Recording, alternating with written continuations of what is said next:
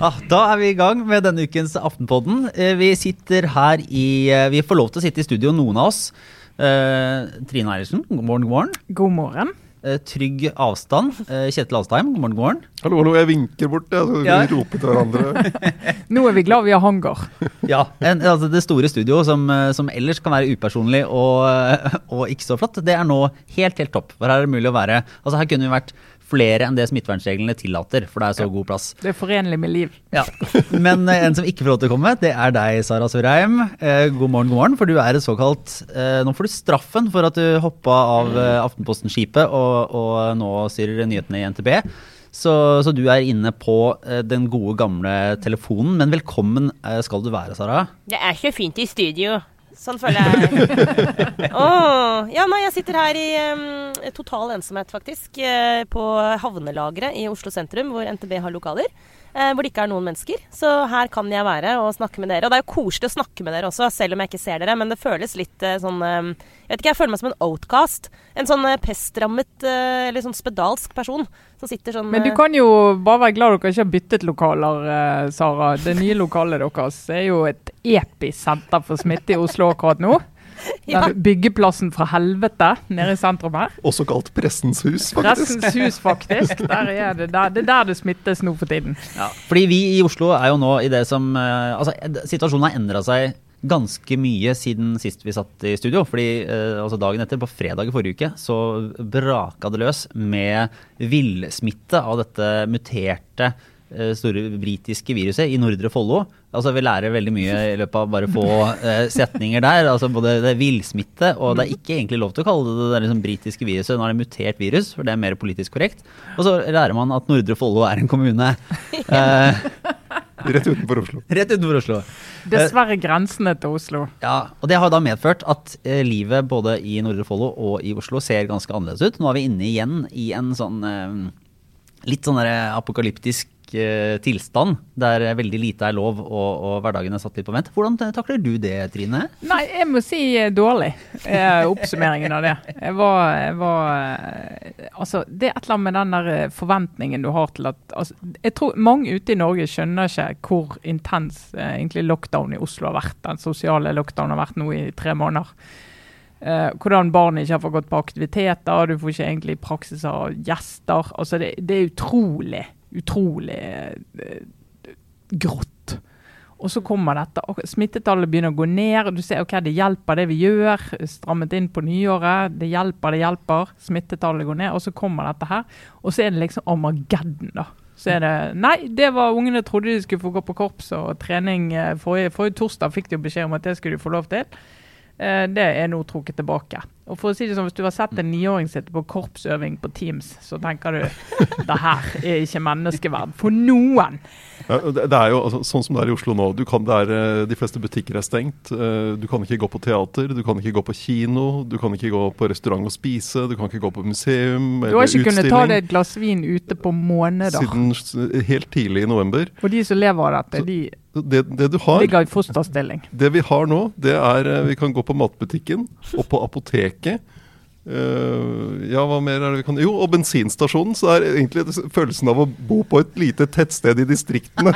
Det er sånn det er livet blitt i Oslo. Men heldigvis er polet åpent, da. Ja, for det, men det, det er egentlig det. Uh, Det var jo Nå, nå blir det jo litt sånn synsete her i, i starten, da, får man si. Men eh, jeg syns jo gjennom koronaen, det året vi har vært gjennom, så har jo mye av den debatten som har vært, og, og virkeligheten har på en måte Det har, hengt litt sånn semilogisk sammen, da. Altså det, det har jo stort sett vært liksom ett spor. eh, For litt som at det har vært én bryter, så har spørsmålet vært sånn Skal vi holde liksom på en, skal volumet være på, på seks eller åtte? Altså skal vi vri litt på den? Men nå, den siste uka, så har det liksom kommet mange brytere inn i spill.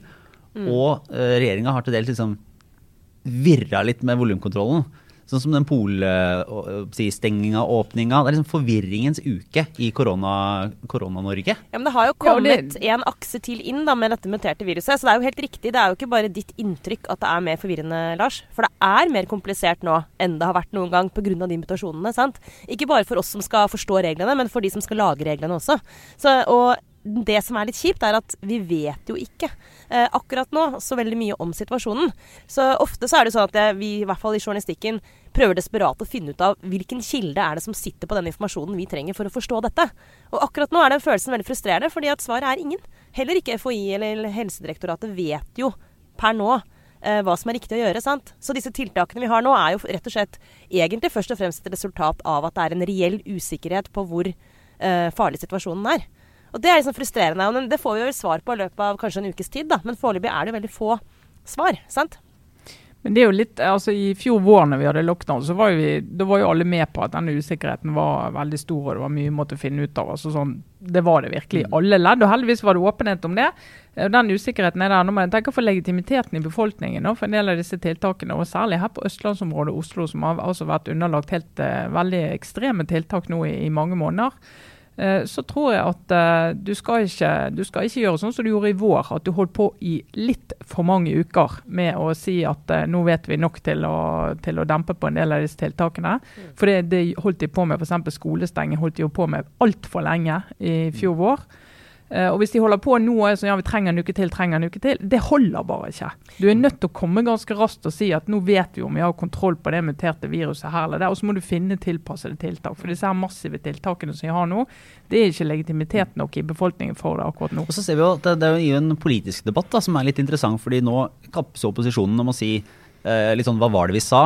Ikke sant? Altså, nå er det tiltak som, som har vært foreslått tidligere med, med strengere grensekontroll, eh, ulike liksom, nivåer her. Eh, så, så, både Raymond Johansen da, i Oslo Arbeiderpartiet og, og, Siv Jensen i Fremskrittspartiet har vært ute og sagt litt sånn Det viser at vi hadde rett. Er det noen som nå si, er, er, det med rette, eller er det sånn helt tydelige nå om noe er rett eller galt, Kjetil, på, på hva som har vært foreslått tidligere? Jeg tror, jeg tror den, uh, altså den kommisjonen, Koronakommisjonen får jo veld, veldig mye å gjøre. Og også håndtering av importsmitten blir jo et viktig tema. Hvordan gjorde man de riktige tingene på det riktige tidspunktet?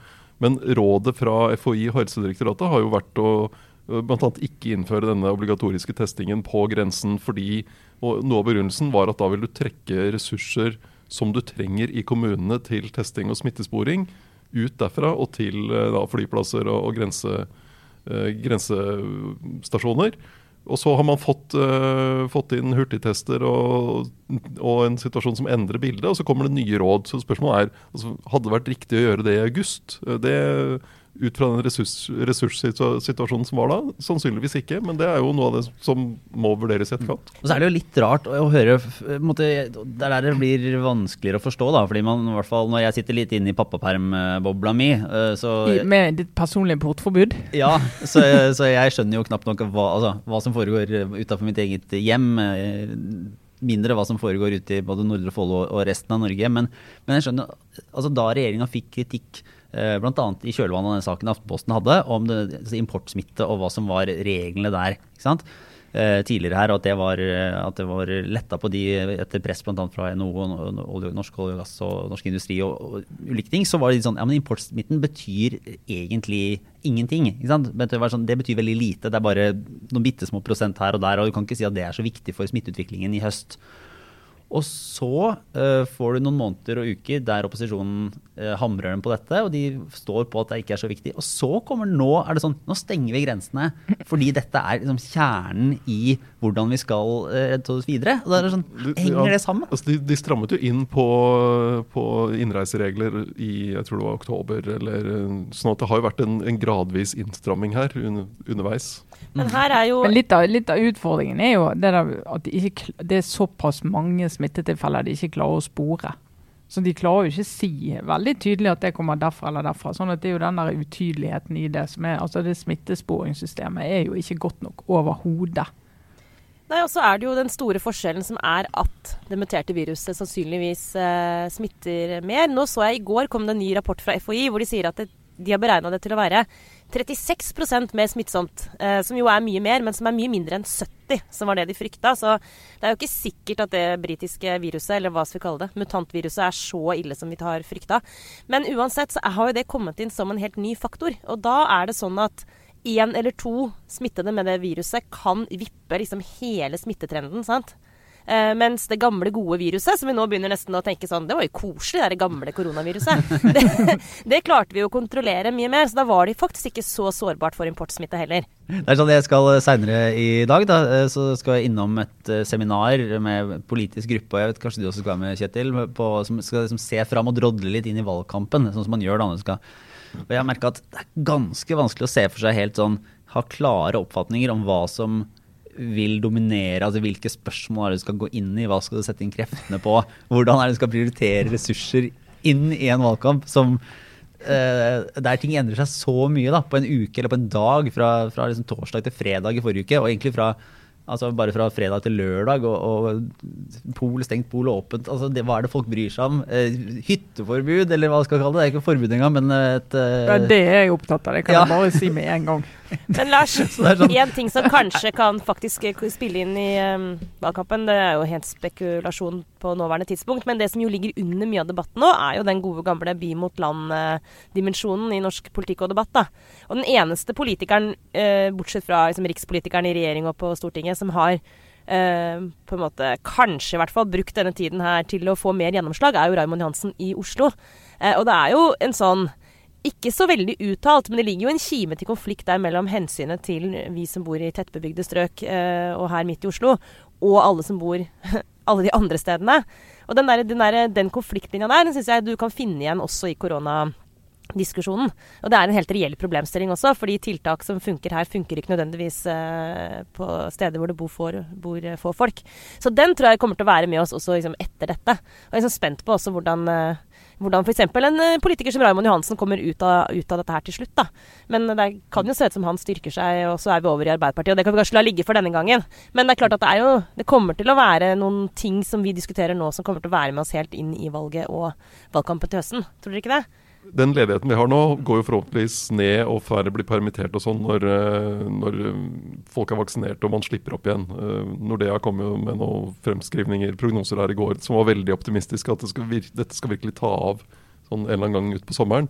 Men det er, vil jo fortsatt være mange som, som er ledige. Det vil henge igjen en ledighet og bedrifter som, som ikke viste seg å være levedyktige likevel. Det blir jo et tema.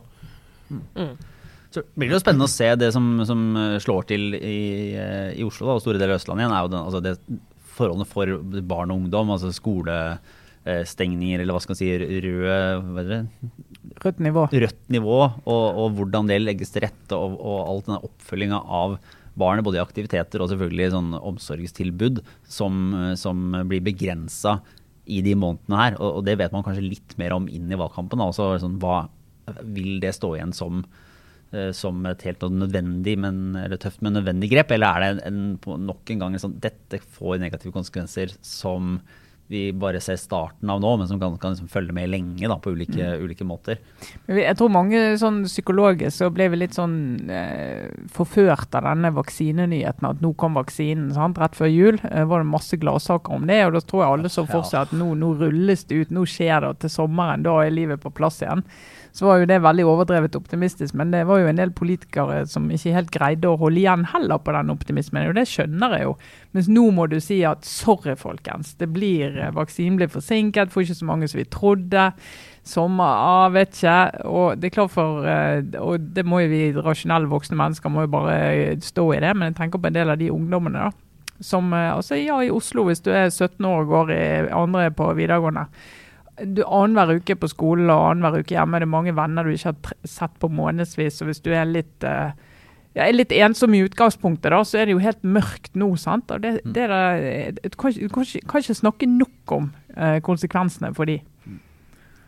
Men er det noe, altså det har vært en debatt annet mellom, mellom eh, SV og, og Guri Melby da, uh, som, som, kunnskapsminister om, om, hvordan det skal legges opp, og, og kunnskapsministerens ønske om å legge til rette for mer digitalundervisning. Så, så er jo påstanden at det, det, er en mulighet som vil bli brukt, og som vil gi dårligere tilbud.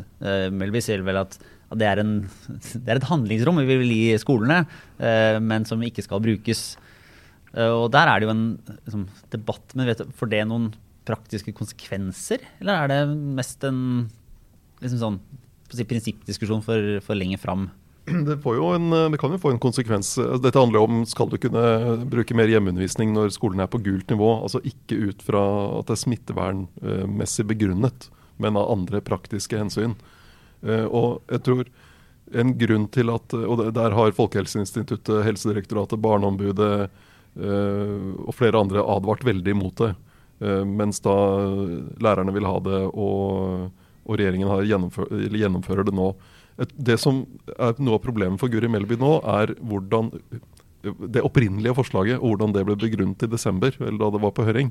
Fordi da hadde de lagt inn et slags sånn, eh, en bekymring for eh, lærernes, altså smittesituasjonen for lærere. Som var faglig sett Hun manglet faglig grunnlag for å, å, å bruke det som argument. Uh, og du så også noen kommuner som stengte, altså sendte elevene hjem i god tid før jul, sånn at ingen skulle havne i karantene, og sånn, som heller ikke var smittevernfaglig begrunna.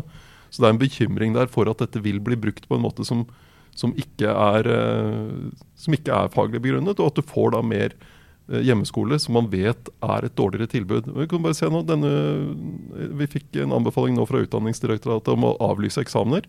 Begrunnelsen for det er at det har vært så ulikt uh, utdanningstilbud til elevene. Fordi mange har hatt mye hjemmeskole. Ja. Det sier noe om at hjemmeskole er ikke godt nok. Mm. mm. Og der har Aftenposten gått inn for at, uh, at, eksamen bør avlyses. Altså på lederplass? Ja ut, ut, ja, ut, fra den situasjonen som er nå, så er det, er, er det, forståelig at man gjør det. Men bekymringen her, det viktige her, er jo at elever da Dette betyr at elever faktisk ikke har fått den undervisningen de har krav på, og det må man prøve å gjøre noe med. Mm. Og dette er et eksempel på konsekvenser av f.eks. den lockdownen vi er i nå, som er vanskeligere kanskje å styre etter fordi de er litt usynlige. Det tar litt tid før det går opp for oss hva som egentlig skjer. Særlig for eh, f.eks. uh, unge mennesker. Eh, mens den der akutte følelsen at nå må vi bare stoppe opp alt fordi eh, vi er så redde for den mutanten, det har jeg stor forståelse for. men jeg nå, nå, gjetter jeg bare, altså jeg skal ikke psykologisere ekspertene for mye. De, de, styrer jo helt sikkert på det datagrunnlaget de har. Men jeg bare kjenner på meg sånn at det må være så Jeg skjønner at det er så vanskelig å ikke ikke på en måte bare trykke på alarmknappen når den usikkerheten kommer. At det virker så åpenbart at nå må vi bare stoppe opp alt for å passe på at vi ikke liksom eh, kaster landet inn i en katastrofesituasjon. Jeg har forståelse for det, men jeg bare tenker sånn eh, Det kan hende det er andre ting som skjer når vi lager en, eh, en, lockdown som vi ikke får øye på, men som egentlig er mye mer alvorlig. da. Og Det er den der gufne følelsen av at det er en liten, mer sånn sakte katastrofe som utspiller seg, som ikke vi får helt øye på. Så handler det om bl.a. psykisk helse, men også sånne ting som at, uh, at studenter og ungdommer mister helt, helt utrolig utrolig mye undervisning osv. Så, videre. så det er også en litt sånn der ekkel mm. følelse. Og det tror jeg vi kommer til å ha med oss liksom, veldig veldig lenge etter at den der pesten her er forhåpentligvis borte. Men før vi går videre, Lars. Skal vi en liten tur innom Hyttegate, eller er, er vi hevet over det? Er det for tøysete og useriøst? Nei, det, det, var, det, var, jo faktisk innom. fordi det, det var jo da i, i, liksom raset av saker forrige helg. Da, altså det der aggresjonsnivået som ble fyra opp av hele den uh, jeg tror liksom polstenginga var en katalysator i alt dette her. ja. så, som fikk det til å brenne litt da, for, for veldig veldig mange. Så, så ramla jo Bent Høie inn. Eh, stakkars Bent Høie. Han hadde tenkt å cruise inn i den derre Nå heter det jo ikke fylkesmann lenger, da, men hva er det for noe? Statsforvalter. Statsforvalterrollen. og, og, og, bare ha seg en sånn rolig, rolig siste år som statsråd. Nå har han fått, uh, fått kjørt seg. Og ikke minst fordi han var det flanellskjorta, eller var det, eh, den, var det, hytta, eller hva var det som gjorde at det, det, det eksploderte en liten eh, storm uh, av hans uh, tilstedeværelse på hvor han var? Et eller annet sånn Bjerkreim eller noe sånt, der han har hytta si utafor Stavanger? Ja, det, det, tror jeg der Hadia Tajik kommer fra, men Nei, det er Rogaland, vi hører å si ja. Rogaland. Ja, okay, ja, men det som jo er veldig Jeg tror du har rett i at den polstengingen lå under og fyrte opp en sånn generell sånn, sånn generelt hatske følelser. Men, men uh, det som var litt vittig, ikke vittig kanskje, men litt sånn komisk, er jo at uh, dette hytte, semi-hytteforbudet vi har nå vi, vi skal jo ikke dra på hytta det er jo også litt tungt å svelge. Men det Bent Høie på en måte ble offer for Litt tungt å svelge. Jeg skal se Trine Eilertsen i studio her. Det, det. Blir helt grå i ansiktet. Ja. Men det som jo jeg tror i hvert fall for min del utløste liksom irritasjon, eller et eller annet, var at Bent Høie jo helt åpenbart stakkars var på hytta da han kom med disse nyhetene. Og det var jo på en måte ikke hans feil. Han kunne ikke vite når han dro dit at eh, mutanten hadde kommet. Men det som er, er at når man er på hytta og er norsk, så har man en helt, helt annen utstråling enn når man er på kontoret. Og det Om man så prøver, liksom, man prøver å ta på seg en blazer, eller liksom ikke ha kamera rettet mot liksom furuveggen med noe sånn bonderomantikk på, så du klarer ikke å skjule det. Altså, er du på hytta Det er så mange sånne subtile tegn. Det er sånn, Jeg vet at Trine Eilertsen eksempel, har en ullgenser på seg når hun er på hytta. Fra tidlig 90-tall. Jeg har sett den med egne øyne, og den tar du på deg med den største selvfølgelighet. Jeg tror ikke du tenker på det selv engang, men det utstråler 'jeg er på hytta'. Og den følelsen elsker jo nordmenn. Eh, og det å se på Bent Høie på hytta, jeg tror det bare Det ble på en måte dråpen. For du, ja, altså det var den følelsen av sånn Nå har du på deg hytteklær. Det er urettferdig. Jeg vil også ha på meg hytteklær. ja det, men, men jeg kan bare få si som keis i dette, da. For jeg dro jo på hytten forrige helg, og så begynte det å komme sånn meldinger fredag ettermiddag. Litt sånn kommer nyheter og skjedde noe i Follo. Så tenkte vi ja, det kan jo hende det blir et eller annet. Men vi drar nå, for det er ingen som har sagt vi ikke skal gjøre det. Og det var så lettelse å se at Bent Høie var på hytten. da. For Vi satt der oppe og litt sånn Ja, nå må vi ikke legge ut bilder i sosiale medier, og vi må ikke vise at vi er her. Sånn, Du begynner å skamme deg for at du var på hytten, og så så at Bent Høie på hytten og tenkte ja, det er veldig bra. Og så eh, får vi jo da beskjed om at ja, hvis du har mulighet for å bli på hytten, må du jo bare det, men du får ikke lov å reise opp igjen. at altså, vi, vi stoler på folk, men vi stoler ikke på at dere har lært en puck av det siste året. Så vi stoler ikke på at dere vil evne å dra på hytten uten å handle i bygda. Vi stoler ikke på at dere vil evne å ligge unna de lokale. Og Begrunnelsen skifter jo hele tiden. I fjor var hytteforbudet at du kunne eh, belaste det lokale helsevesenet. Det betyr ingenting lenger. Eh, Nå er det liksom smittevern som ikke var et tema i fjor, og det er på grunn av denne mutanten. Så altså, hyttefolk, det kan jeg bare si. Vi hyttefolk vi trenger en organisasjon. Skal vi melde oss inn i NHO, for da vet vi at da får vi alt sånn som vi vil. Og sender meldinger rett til Sende SMS rett til hytteministeren. Jeg skulle, jeg skulle gjerne sett den SMS-en fra Trine nå, så det er ikke, det er ikke noe smileblunkefjes. Det var det eneste som kan lette på hverdagen. er Det beste er nå altså det på en måte etter ja, ja, det som traska rundt hele november og hele desember og alt mulig rart til bare sånn mørkt, og så kommer perleværet Ja. samtidig som det sitter halvannen million eh, nordmenn. Ja, og eh, sitter ja, men Nå kan vi jo kjøre til Mylla og gå på ski, for det er jo kaos i marka, og du skal ikke ta kollektivtrafikk. og du, sant, du får ikke, sant? Vi skal ikke møtes der heller. Nei, men det kan vi ikke, for det er jo i en annen kommune. Ja. Darkness! Ja. Vi hyttefolk, Trine, det er jo liksom, Det er 80% eller noe av liksom alle nordmenn. Altså det, det er liksom også Ja, det er det jeg sier. inkludert halve regjeringen, minst. Sånn at eh, jeg tipper altså Det er det to ting du ikke kan ta fra nordmenn over lengre tid. Det er hytta og polet. Så det tror jeg bare Her er det bare tyngdekraften. Altså det, Ja, da mister du helt legitimitet. Nå har de hatt polet stengt en uke til nå, så har vi hatt folk i gatene. Jeg Det er jeg helt sånn- sikker på. hvis, hvis Høyre ikke skal miste helt sin identitet, så må de ta vare på eh, folk som går på polo og går på hytter. Ja, ja, det må du faktisk. Der, er, eh, ikke mister du grunnfjellet. Det verste var jo at det kom jo nyheter, ikke sant. Helsedirektoratet som, anbef som Det var det. Anbefalingen var at jo, folk kan dra på hytta, bare de ikke, ikke handler, handler med seg ting der de drar fra, ikke mingler med de lokale. og... De hadde tillit til oss. De hadde tillit til oss, og så kommer Bent Høie og sier nei da! Jeg kommer liksom Erna med sånn pekefingeren og sier ja, det er mulig de syns det, men jeg syns ikke dere skal reise. Ja, nei, takk skal du ha. Men altså før vi forlater Hyttegate, så tror jeg kanskje den største krisen for Erna omdømmemessig eh, Hun står jo veldig stødig nå som eh, statsminister. Eh, Skårer høyt på sånne målinger om hvor folk liker henne. Jeg tror den største trusselen mot henne eh, som om omdømme er Jeg tror ikke Erna har hytte. Kan det stemme? Ja, ja. Nei, men jeg tror vi går eh, videre til en runde med obligatorisk refleksjon. Jeg. Eh, Og da kan egentlig eh, Jeg kan begynne.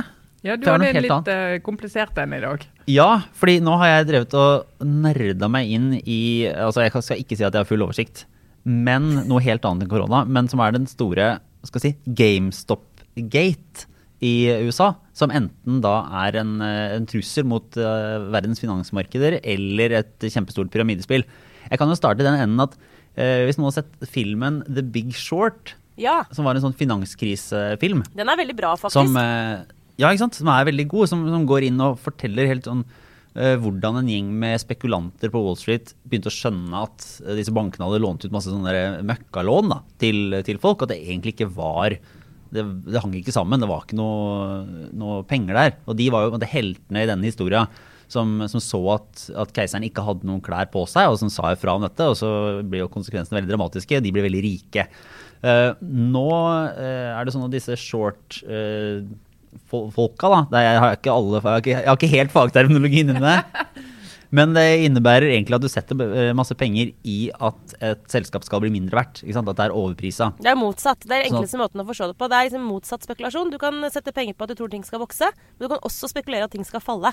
Eh, og det er liksom Ja. next level aksjer. Vi dumme andre sånne hobbysparere, vi tror at man skal liksom sette penger på vekst. Men de smarteste, de spiller jo på at det skal gå til H med folk. Ja, og, og dermed så har du da en del av disse store Wall Street-firmaene og sånne hedgefund-folka som har sett da typisk på selskaper som de tror er overprisa. øh, Og i et sånn velfungerende marked så er jo teorien at det er bra, for at det, det avslører svakhet og effektiviserer markedet.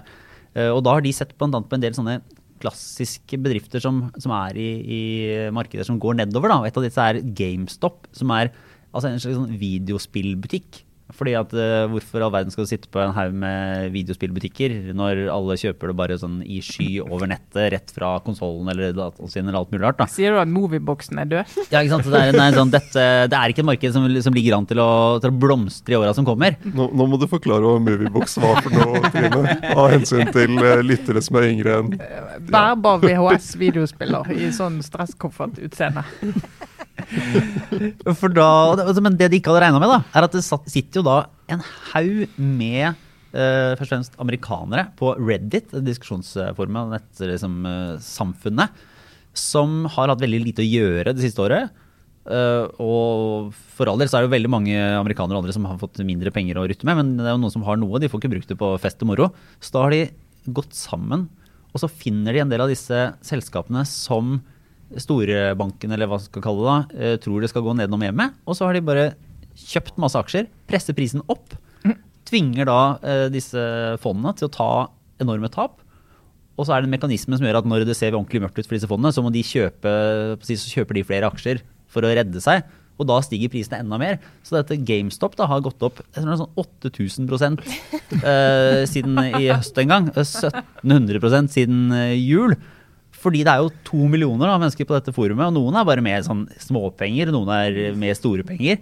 Men det har da skapt en bevegelse av sånne mini Altså det er liksom sånn småfisk som går sammen og spiser en Altså det er liksom pirajaen da, mot en diger hai. Altså de, ikke, de har ikke så mye sånn makt hver for seg, men når de har gått sammen, så bare skreller de av eh, alt dette kjøttet og, og gir, eh, gir ordentlig trøbbel. Og, nå har det da blitt en sånn sverm som ser seg ut potensielle nye liksom, ofre i dette her, da, og, og skviser det. Så er jo spørsmålet om det er et sånn oppgjør med storkapitalen og et sånn folkelig eh, folkelig bevegelse som, som klarer å vri et eller annet og, og, og bidrar til en eller annen demokratisering. Eller om det er en, bare en boble eller et enormt Ja, pyramidespill. Eller. Lars, eller om det er bare det det nesten alltid er, som er den gleden over å ødelegge noe. Ja, for det, altså, det er jo litt sånn Er drivkraften et ønske om å få mer moral inn i finansmarkedet? Nei, det tror jeg ikke. Det virker ikke som det er noe egentlig politisk uh, høyere himmel. Det er mer en sånn uh, tjene penger. Noen har jo tjent vanvittig mye penger. eh, eller bare sånn stick it to the man. Altså sånn, Dette er de som kom seg godt ut av finanskrisa. Mange av de store bankene og, og finansinstitusjonene har jo bare fortsatt å, å trykke seg penger og, og få, få mye mer. Så her er det litt sånn derre hvermannsens mulighet til å tjene litt penger og ta en slags hevn, da. med en ikke ubetydelig risiko må legges til Ja. her. For dette kan jo gå veldig galt. Hvis man tror at nå er vi den lille mannen som skal velte det store lasset, så kan du havne under det lasset, for å si det sånn. I høyeste grad. for det, en ting er at De som hiver seg på dette her nå på slutten, de kjøper jo da noe som er fullstendig overprisa basert på en, eh, på en sånn internettsverm, og har jo veldig vanskelig for å få det igjen når pengene sikkert. Så det er liksom de siste som melder seg på et sånt pyramidespill. Eh, Og det andre paradokset her er jo at det er jo noen veldig veldig rike fra før som sitter på toppen og har eid aksjer i disse selskapene, eller bare har, eh, er flinke til å følge med og har kommet seg inn tidlig mye, som igjen da sitter på toppen av pyramidspillet og tjener seg enormt rike. Så, så det var jo en, eh, var en milliardær som jeg tror hadde fått inn var det 40 milliarder kroner, da, liksom papirverdi på en dag, da, der dette På, gikk på å eie et selskap som egentlig er på vei ned. Ja, som er sånn, Det er ingen, ingen faktiske indikatorer hvis ikke, disse, eh, hvis ikke disse millionene plutselig begynner å kjøpe videospill der. da, altså det driver en sånn dobbeltspora eh, greie. Etterspørsel og Ja. opp, liksom. Så, nei, men jeg, i hvert fall, jeg følger dette, og det har blitt en så stor ting, og plutselig så slår det an. Så den, disse GameStop-aksjene er jo det som da selges, har vært eh, kjøpt og solgt mest av i India, så er jo i hvert fall utenlandske aksjer, og i Kina. Og det er jo veldig mange mennesker der ute som kan drive opp noe sånt. da. Så, så det er eh, Jeg vil ikke anbefale noen å hive seg med på det sånn i utgangspunktet. Det får ta egne vurderinger og, og se på det, men det er et fascinerende eh, lite drama som foregår, som nå også Joe Biden har sagt at han må følge med på. For det er jo liksom, potensial for å flytte veldig veldig masse penger. Da. Så det er min lille Kan jo egentlig tenkes at vi er med på dette fra før. fordi oljefondet er jo inne i nesten alle selskaper som er børsnotert i hele verden. Det er, bare, det er bare å gå inn og sjekke det på nbim.no, så kan man se akkurat hvilke selskaper de, Nå, de ja, har vært investert i. jeg jeg diskuterte det litt med noen, eh, med noen venner, og da så jeg litt Men jeg lurer på om oljefondet er det sånn Enten så var det i, eh, i GameStop, eller så er det en sånn amerikansk kinokjede som også plutselig har nå steget med enormt mye. Og der, i hvert fall I et av disse selskapene så var jo selvfølgelig oljefondet inne som et eller annet topp ti største eiere. da. Så vi eh, i Norge eh, kan antageligvis le hele veien til banken også denne gang. Også denne gangen, ja. Ja, ja. Det er veldig bra. Eh, Åssen er det med deg, Trine? Har Jo, du en jeg har, eller? jeg har eh, fått med meg en rapport som Medietilsynet har eh, publisert om eh, tilliten til mediene. Ofte så snakker vi om det så liten tillit til mediene, og så liker vi å ta disse amerikanske debattene hjem og tror at eh, det er akkurat si, mistillit til mediene og rasisme og alt som er det, er akkurat det samme i Norge som der, men det er det ikke. Tilliten til mediene er ganske høy i Norge. Relativt sett veldig høy. Eh, og nå er det kommet en rapport om hvordan mediebruken har vært i koronatiden. Da. Og da viser det jo at folk eh, flokker seg rundt de redaktørstyrte mediene eh, på bekostning av sosiale medier når de skal fortelle hvor de får nyheter fra. Noe jeg syns er helt oppsiktsvekkende gode nyheter. Eh, ikke bare fordi jeg da leder et redaktørstyrt medium, som er styrt av denne redaktøren. men, eh, men fordi at eh, der, der får du eh, transparent og åpen informasjon som folk kan forholdes til, kritisere, eh, gå videre med, bli informert av, debattere. Altså Det er veldig sunt. Eh, Så jeg er glad for det. Og så midt oppi dette da, så eh, får vi høre om denne filmen som går viralt nå, som eh, covid-filmen.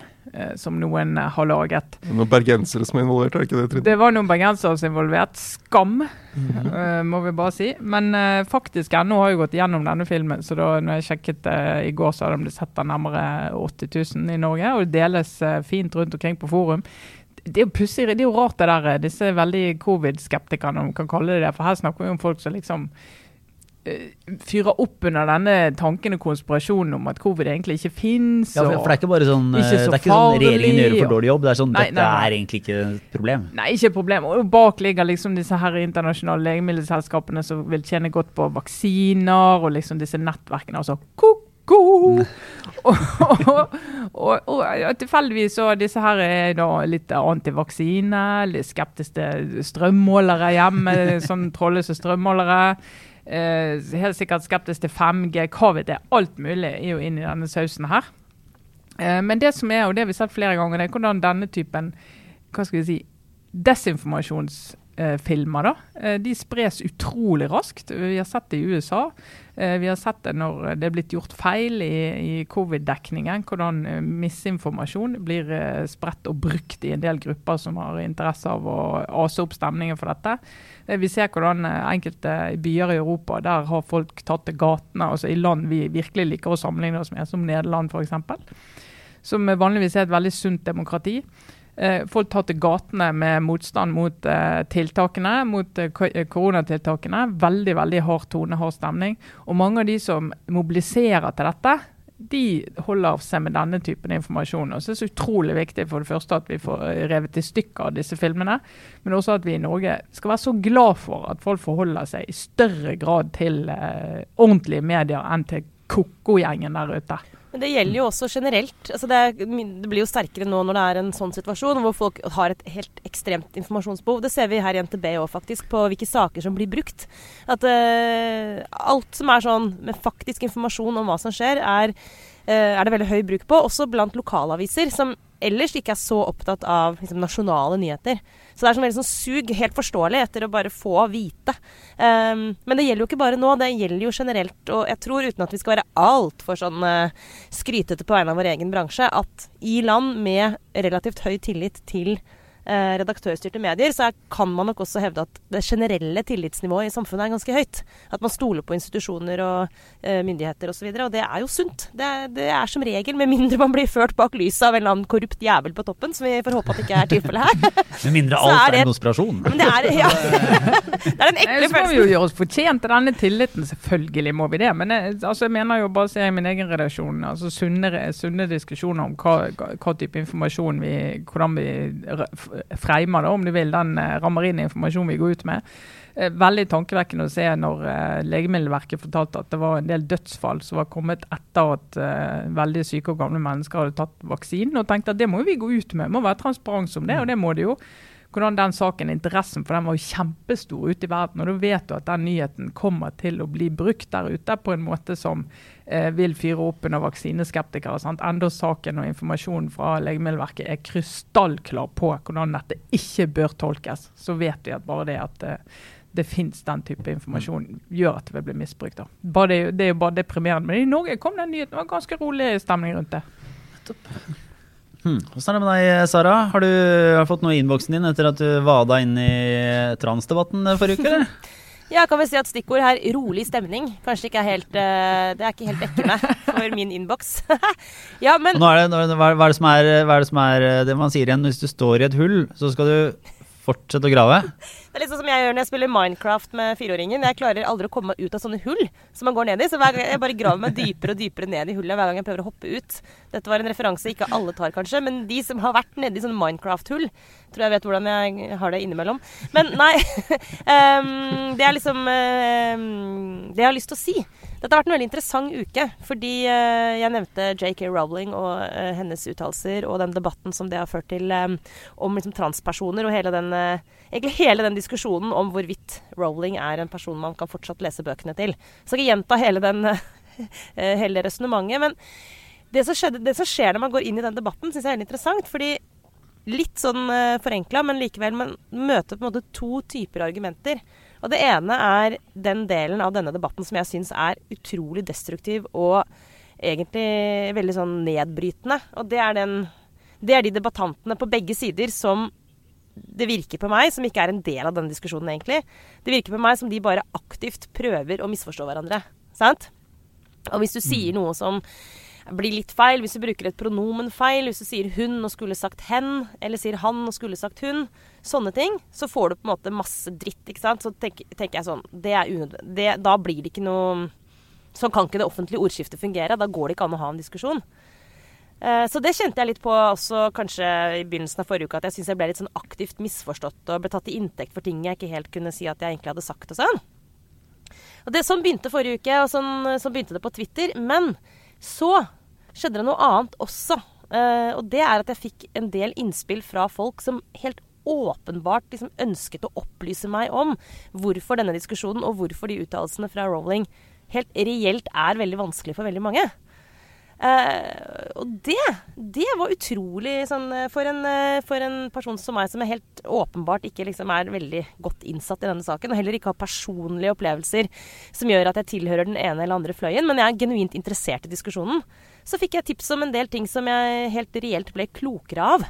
Tenk det, folkens. Det, hva skal si, offentligheten virka? Ja, det, men det som er litt sånn synd, er at det var en del innspill som kom direkte til meg. Eh, mens det som ble en sånn Twitter-diskusjon, syns jeg i grunnen stort sett var akkurat like destruktiv og eh, hva skal jeg si ikke opplysende, som jeg syns denne debatten egentlig er sånn i det store og det hele, da, og helt unødvendig aggressiv rett og slett. Destruktiv eh, diskusjon på Twitter, det har jeg aldri hørt om før. Hvem skulle trodd?